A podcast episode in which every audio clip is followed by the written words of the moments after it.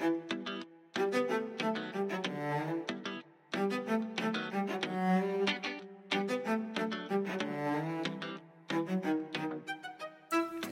och välkomna till Lättlästpoddens första avsnitt. Hej hej! Vi är superpeppade på att komma igång och vi är jätteglada att just ni är här och lyssnar och är med på den här resan med oss. Jag som pratar nu heter Linnea Karlqvist Och jag heter Emily Olofsson. Och det är vi som driver Lättläst-podden. Vill du veta lite mer om oss, vilka vi är, vilken bakgrund vi har och varför vi har valt att eh, starta den här podden så lyssna jättegärna på vårt introavsnitt. Mm, gör det. Det är bara några minuter långt så att eh, det går supersnabbt. Det gör det verkligen. Idag tänkte vi att vi skulle prata lite om vad lättläst är eh, överlag. Och eh, de här nivåsystemen som lättläst förlag håller på med. Vi kommer även prata en del om skolbibliotek. Och nu tycker jag vi kör igång. Det gör vi.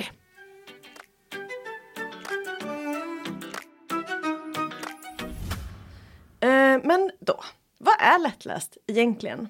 På MTM, som är Myndigheten för tillgängliga medier, då kan man läsa att lättlästa texter är skrivna så att barn och vuxna med lässvårigheter enklare ska kunna läsa och förstå information och litteratur.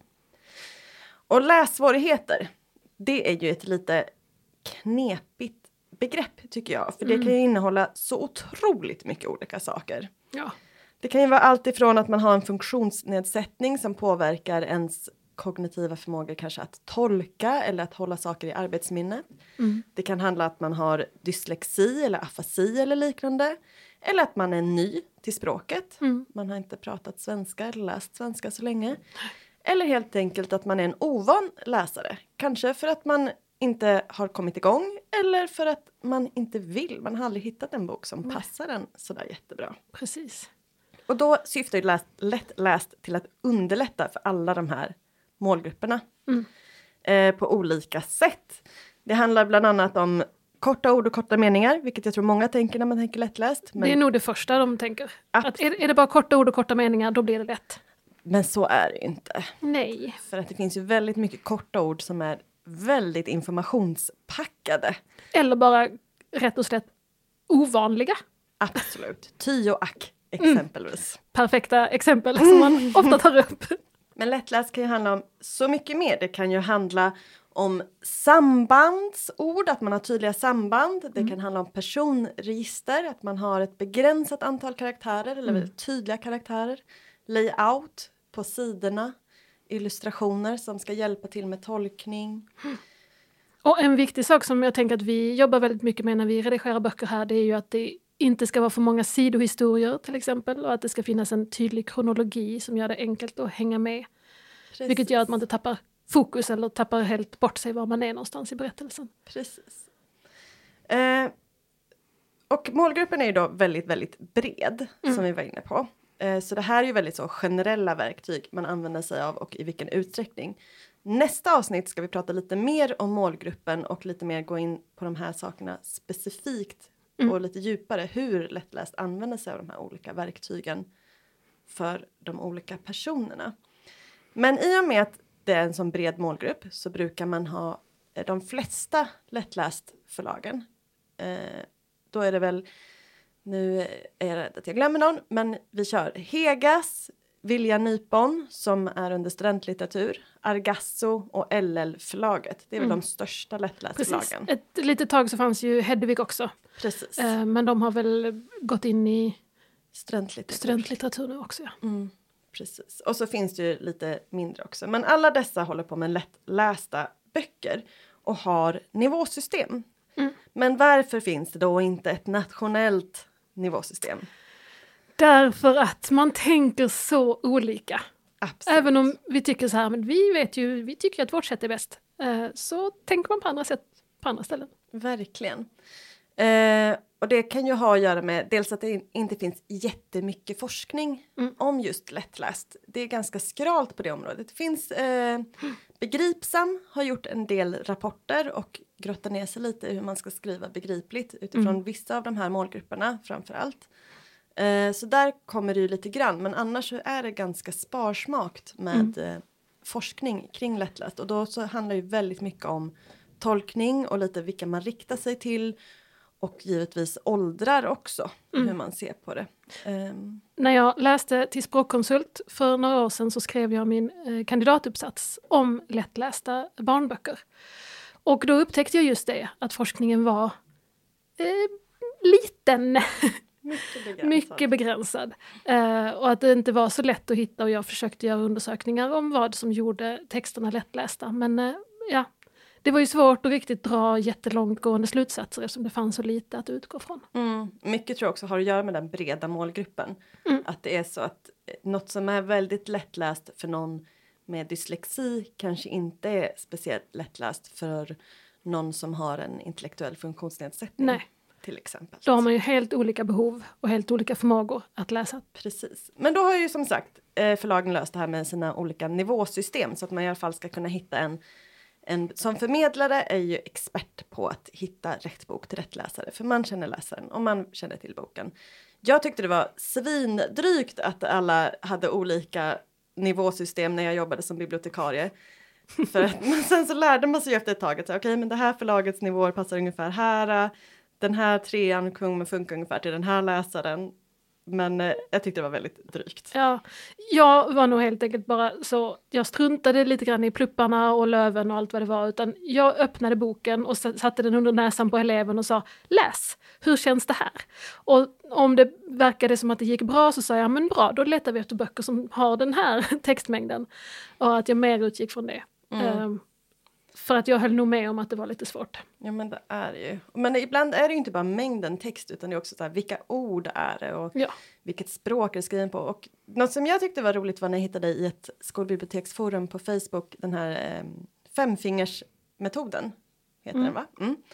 Eh, där man ska slå upp liksom en random sida i boken och så ska man eh, hålla upp ett finger för varje ord man inte förstår och har man fem fingrar fler då är den alldeles för svår. Mm. Och så är det något så här, har man tre fingrar så är den medelsvår har den ett eller två fingrar så kanske man klarar av det. Men det är ju också väldigt beroende på vilken sida man slår upp. Det kan det ju verkligen vara. För den kanske inte passar alla, men det kanske är bra för just nybörjarläsaren eller de som vill så här spelifiera, spelifiera sitt eh, bokhittande. Ja. Att det blir lite tävling över det. Precis. Jag vet att jag har sett eh, lite siffror på det där eh, med eh, just ordförståelse. Att om eh, 5% av orden i en bok eh, är okända för läsaren så är det, då är det en klurig bok.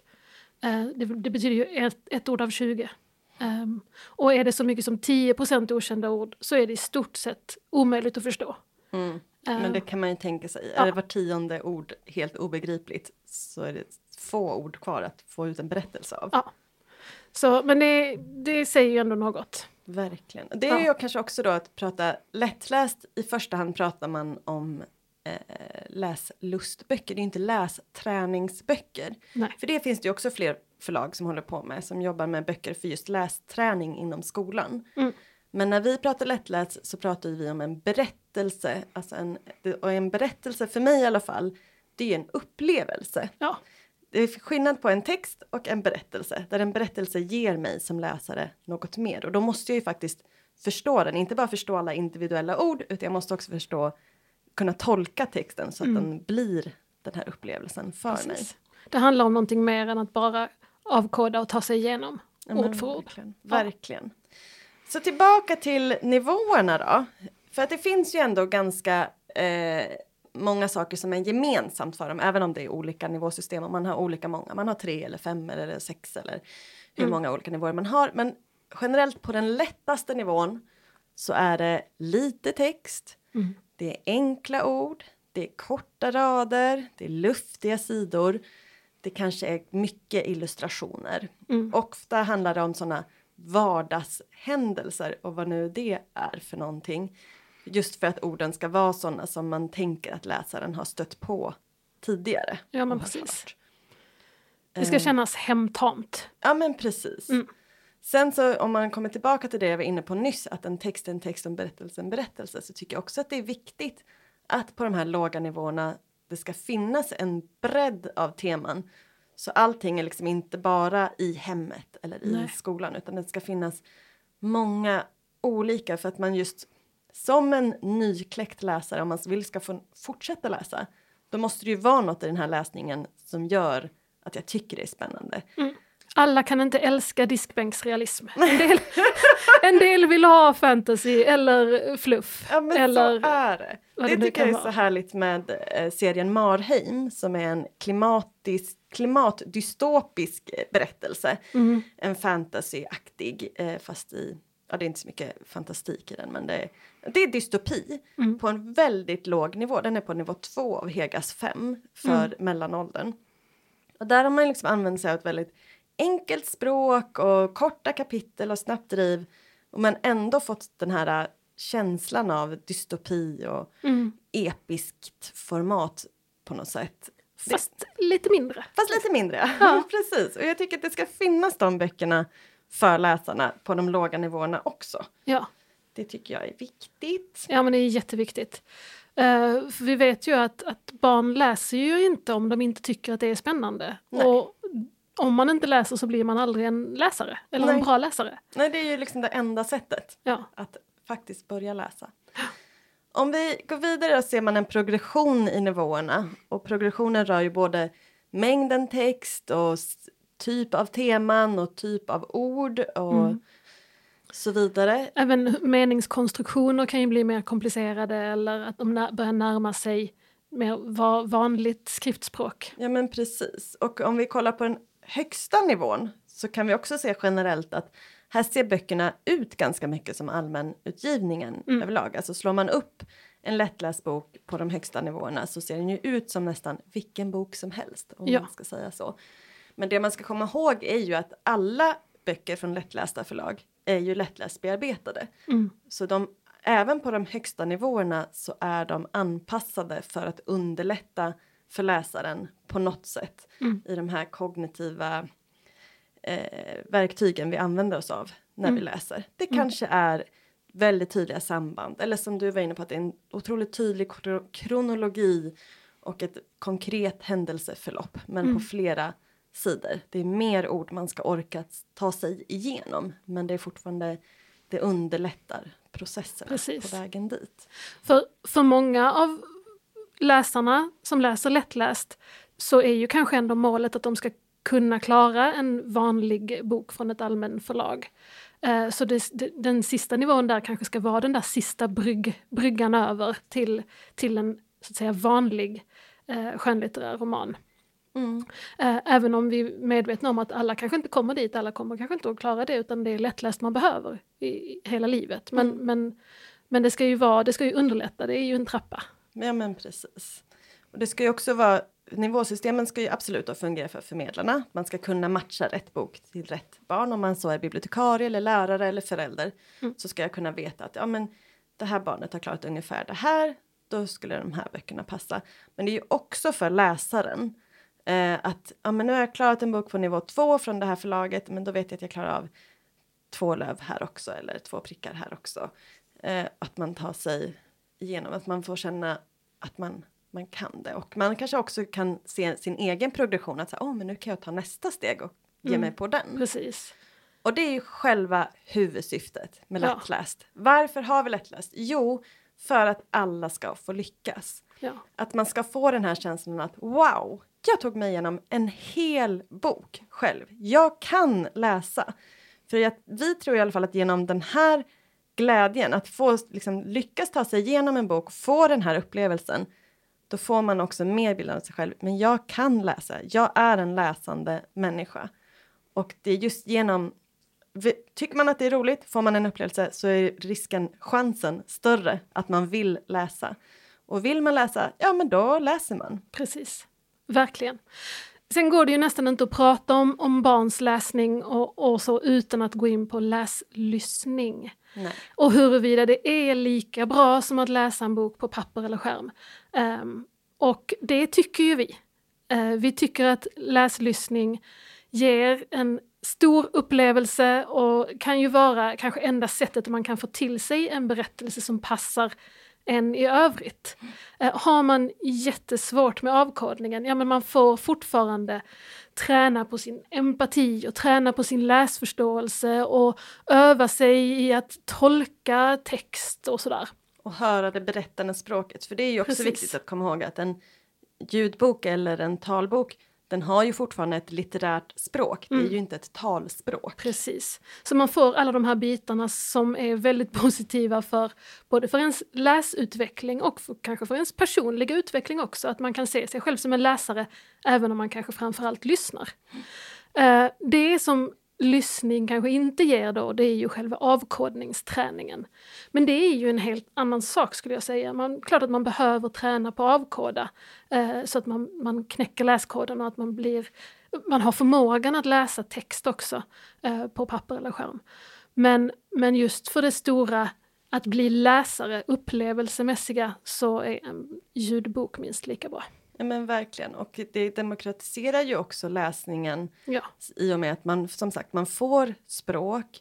Man kan också ta del av en berättelse som kanske ens kompisar eller andra i klassen läst och att man ska prata om utan Mm. att man behöver verkligen kämpa ja, och kanske tvingas att läsa den fler fler gånger för att både avkoda och kunna tolka och prata om den. Precis. Utan man kan ändå vara delaktig i Mm. det litterära samtalet. Ja, just det här att man får, får göra som med sina kompisar, även om det är att jag får lyssna istället, så, så jag kan också prata om den här boken som alla andra pratar om. Ja men precis. Så ja, värt mycket. Verkligen. För språk är ju också det viktigaste vi har Mm. i samhället i stort. Absolut.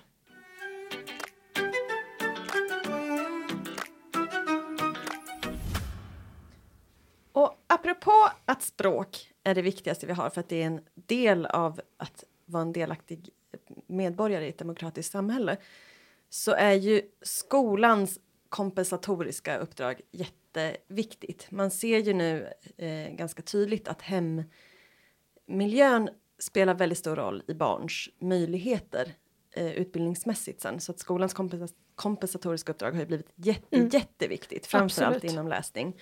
Och då är ju skolbiblioteket en otrolig eh, resurs att ha. Mm.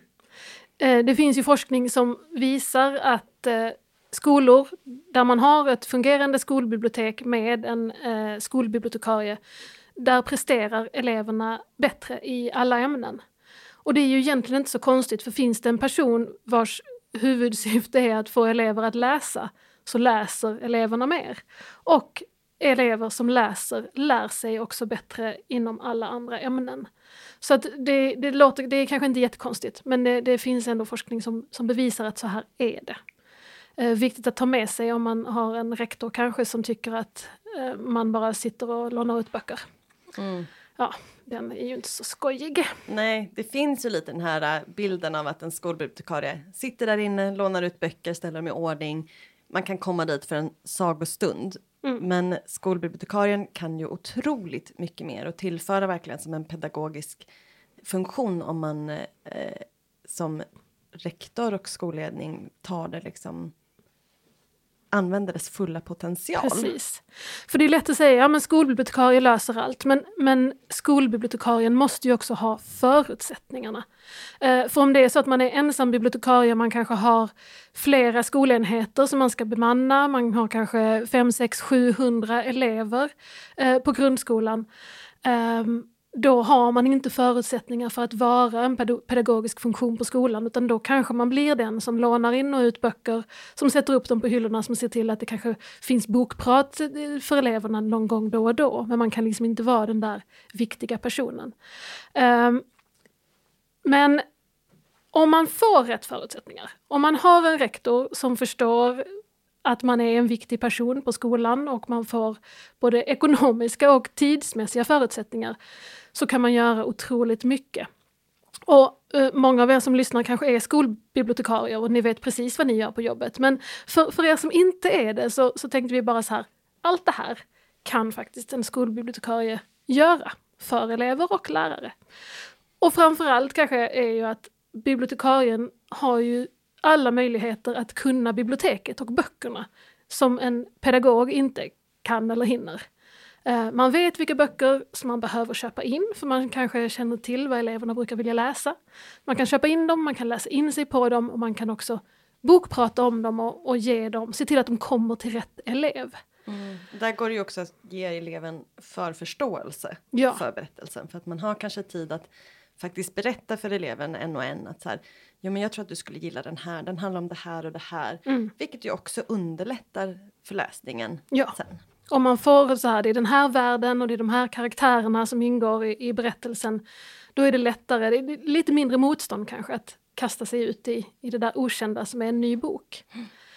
Ehm, och eh, förhoppningsvis så, så lär ju bibliotekarien känna sina elever så pass bra att man kan ge dem tips som både är kanske precis på den nivån där de är just nu, men också som är lite, lite svårare, som är så här, men nu har du läst den här, nu tror jag du är redo för en lite svårare bok och utmana dem att faktiskt utvecklas i sin läsning. Eh, vilket ju är superviktigt så att man inte bara, jag kan läsa Lasse-Maja, men då fortsätter jag läsa Lasse-Maja för all framtid, för att det känns tryggt, utan att man blir utmanad. Eh, sen så är ju skolbibliotekarien ett superviktigt stöd för pedagogerna också. Både i läsfrämjande arbetet eh, men också i MIK och allt som hör till det, till det med källkritik och källtillit och, och sådär. Informationssökning överhuvudtaget. Eh, och dessutom så har ju skolbibliotekarierna ofta lite mer fokus på lust Mm. än på nytta. Och det behöver många elever. Ja, nytta är superbra, vi behöver liksom traggla och träna, men det är lusten vi behöver komma åt för många elever för att de överhuvudtaget ska läsa sina böcker. Ja, men verkligen. Och det pedagogiska har ju ändå läraren väldigt bra koll på. Ja. Och det är därför man kan ha ett så bra samarbete tänker jag också. Att den, eh, läraren gör det, den briljerar på den pedagogiska biten. Och skolbibliotekarien gör det den briljerar på som är då att hitta lust och att hitta en, en, läs, en nyckel till läsningen genom Mm. glädjen. Precis. Eh, för, för det kom, känner jag ju igen väldigt mycket från, från min tid som skolbibliotekarie. Att, att jag fokuserade ju väldigt mycket på att barnen skulle gilla det de läste. Och så kom läraren med kravspecifikationer på det här och det här och det här. Och jag bara, fast det här! Eh, och höll fram något som kanske inte riktigt var vad läraren ville, men som eleven ville ha. Mm. Och då Ofta tyckte kan jag ändå man att ju det matcha ihop det Ja. också. men, men det är ju mycket vunnet om bo- barnet faktiskt går ifrån biblioteket med en bok som de känner lust till att läsa.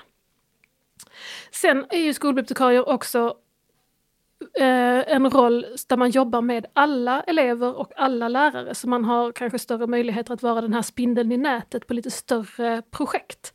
Som eh, lästävlingar eller läsutmaningar eller lov, eh, ja men så här utmaningar över loven eller så här att man, man riktar sig lika mycket till alla. Lärare har inte kanske den tiden att, att gå och göra projekt som gäller alla elever för man har för mycket fokus på sin egen klass. Eh, så det är en, en eh, fantastisk möjlighet som man har som bibliotekarie. Verkligen. Och så kan man som bibliotekarie också vara lite grann medlare mellan eh, pedagoger som jobbar med olika ämnen. Alltså att man kan underlätta för ämnesöverskridande samarbeten. Man kan se till så att svenskläraren och idrottsläraren har ett projekt ihop tillsammans med, med en själv som bibliotekarie då, därför att man kan plocka in litteratur i alla ämnen och, och man kan vara den, den medlaren. Ja, för eh, har skolan. man rätt förutsättningar Mm. då ska man ju kunna ändå träffa alla elever på skolan. Man har liksom en, ett hum om alla. Man träffar också alla lärare i hela skolan så man får ju det här helikoptervyn Mm. och kan då också samordna och förhoppningsvis har man också tid i sitt schema att läsa in sig men också göra de här Mm. övergripande Precis. projekten. Att man faktiskt har den luften också som kanske lärare inte alltid har men väldigt gärna vill. Mm.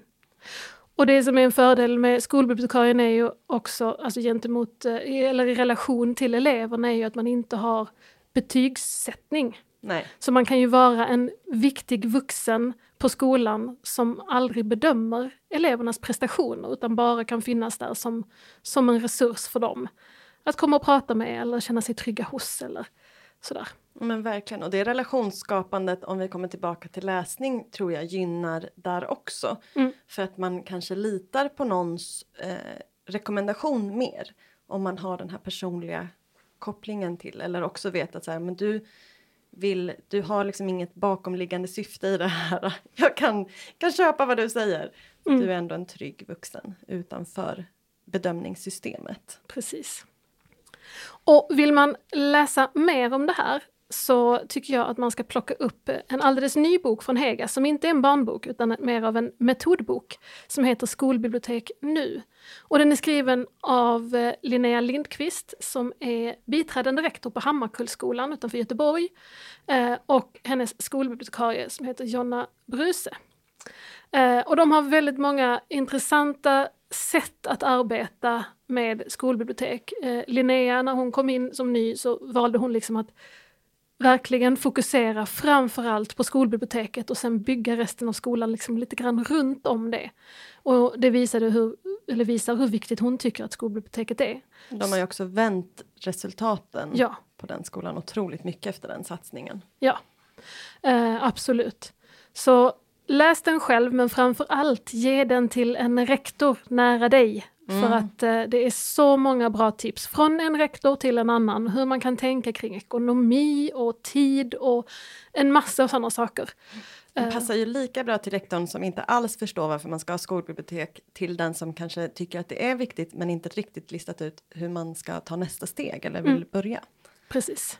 Så ge det Eh. som sportlovsläsning till din Ja. rektor och ledningsgrupp. Det tror jag blir jätte, jättebra. Gör det. Men det är inte bara våran bok eh, som gör att skolbibliotek är lite hett nu, utan det har ju varit ganska mycket politiskt. Det har det verkligen. Eh, för skolbibliotek har ju diskuterats länge och mycket och i olika sammanhang. Eh, och för tre år sedan nu så kom ju Gustav Fridolin med en utredning som, eh, som handlade om skolbibliotek. Och alla inom biblioteksvärlden och även förlagsvärlden tror jag tänkte att nu äntligen händer det någonting i den här frågan. Men nej. Men nej, det gjorde det inte. Och så väntade vi och så väntade vi och så frågade folk vad händer? När kommer det en lag? Och bara mm, jo men nej men vet kanske mm, så. Och ingenting hände. Förrän äntligen i höstas, i september 2023, så kom besked från regeringen om eh, att bemannade skolbibliotek skulle bli någon form av lagstadgad rättighet för alla elever. Uh, Och att man skulle skjuta till väldigt mycket pengar. Ja. Och det var ju en väldigt, väldigt glädjande nyhet Verkligen. för alla elever framför allt. Ja, gud ja, för att få en jämlik skola. Ja. Men vad räcker pengarna till Ja. egentligen? Det vet inte jag. Eh, jag, har Va? försökt, ja, Eh, jag har försökt leta efter eh, siffror som visar på, på hur långt de här pengarna räcker. För det är ju otroligt många skolor som inte har skolbibliotekarier nu, som inte ens har ett skolbiblioteksrum. Eh, så det kommer ju krävas jättemycket eh, för, att, för att det här ska kunna bli verklighet. Eh, och jag vet att jag har sett någon siffra, jag kan inte eh, svära på detta, men som, som ehm, var att pengarna räcker till en tjänst per kommun. Ja, det är inte så mycket. Men det är Nej. också frågan hur man tänker samordna, om man tänker att huvudmännen ska gå in Ja, och supporta lite. Det har jag sett det smygpratas om. precis. Men det vi kan konstatera är att det kommer inte räcka till att bemanna varenda skolbibliotek i eh, Sverige. Eh, de pengarna som är tillsatta från regeringens sida. Men det är ett steg på vägen och det är i alla fall ett beslut taget om någonting. Ja, och det är också någonstans en, att visa att det är viktigt Ja, och att vi är många som tycker att det är viktigt. ja, verkligen. Eh, så får vi se, det är spännande utveckling Ja, eh, precis. som vi har väntat på länge. Så eh, ja, Ja, vi får se i slutet av den här säsongen. Då kanske vi tar upp skolbibliotek igen. Då kanske det har hänt ännu mer. ja, Det vet man faktiskt inte. nej. Det är så mycket som kan hända på ett halvår. Ja. Men nu tror jag att vi har sagt vad vi vill i det första avsnittet. Mm, det tror Och jag kanske också. mer därtill ändå. Ja. Eh, och vi hoppas ju naturligtvis att ni tyckte det var spännande att lyssna på oss och vill komma tillbaka igen. Vi kommer med avsnitt två den 7 februari. Jajamän. Och har ni någonting som ni fick någon idé till nu eller ni har tänkt på innan eller ni bara vill att någon ska prata om i, som handlar om lättläst så får ni jättegärna skriva det till oss. Vi finns på Instagram under lättlästpodden Ja. och så har vi lattlästpodden.se Mm. och så kan ni mejla oss på lattlästpodden hegas.se. Och där får ni, dit får ni skriva lite vad ni vill. Tyckte ni vi var bra? Tyckte ni vi var jättedåliga? Vad ska vi tänka på? Ah. Kör! Kör på. Ja, Vi ses i februari. det gör vi. Ha det så bra. Hej. Hej!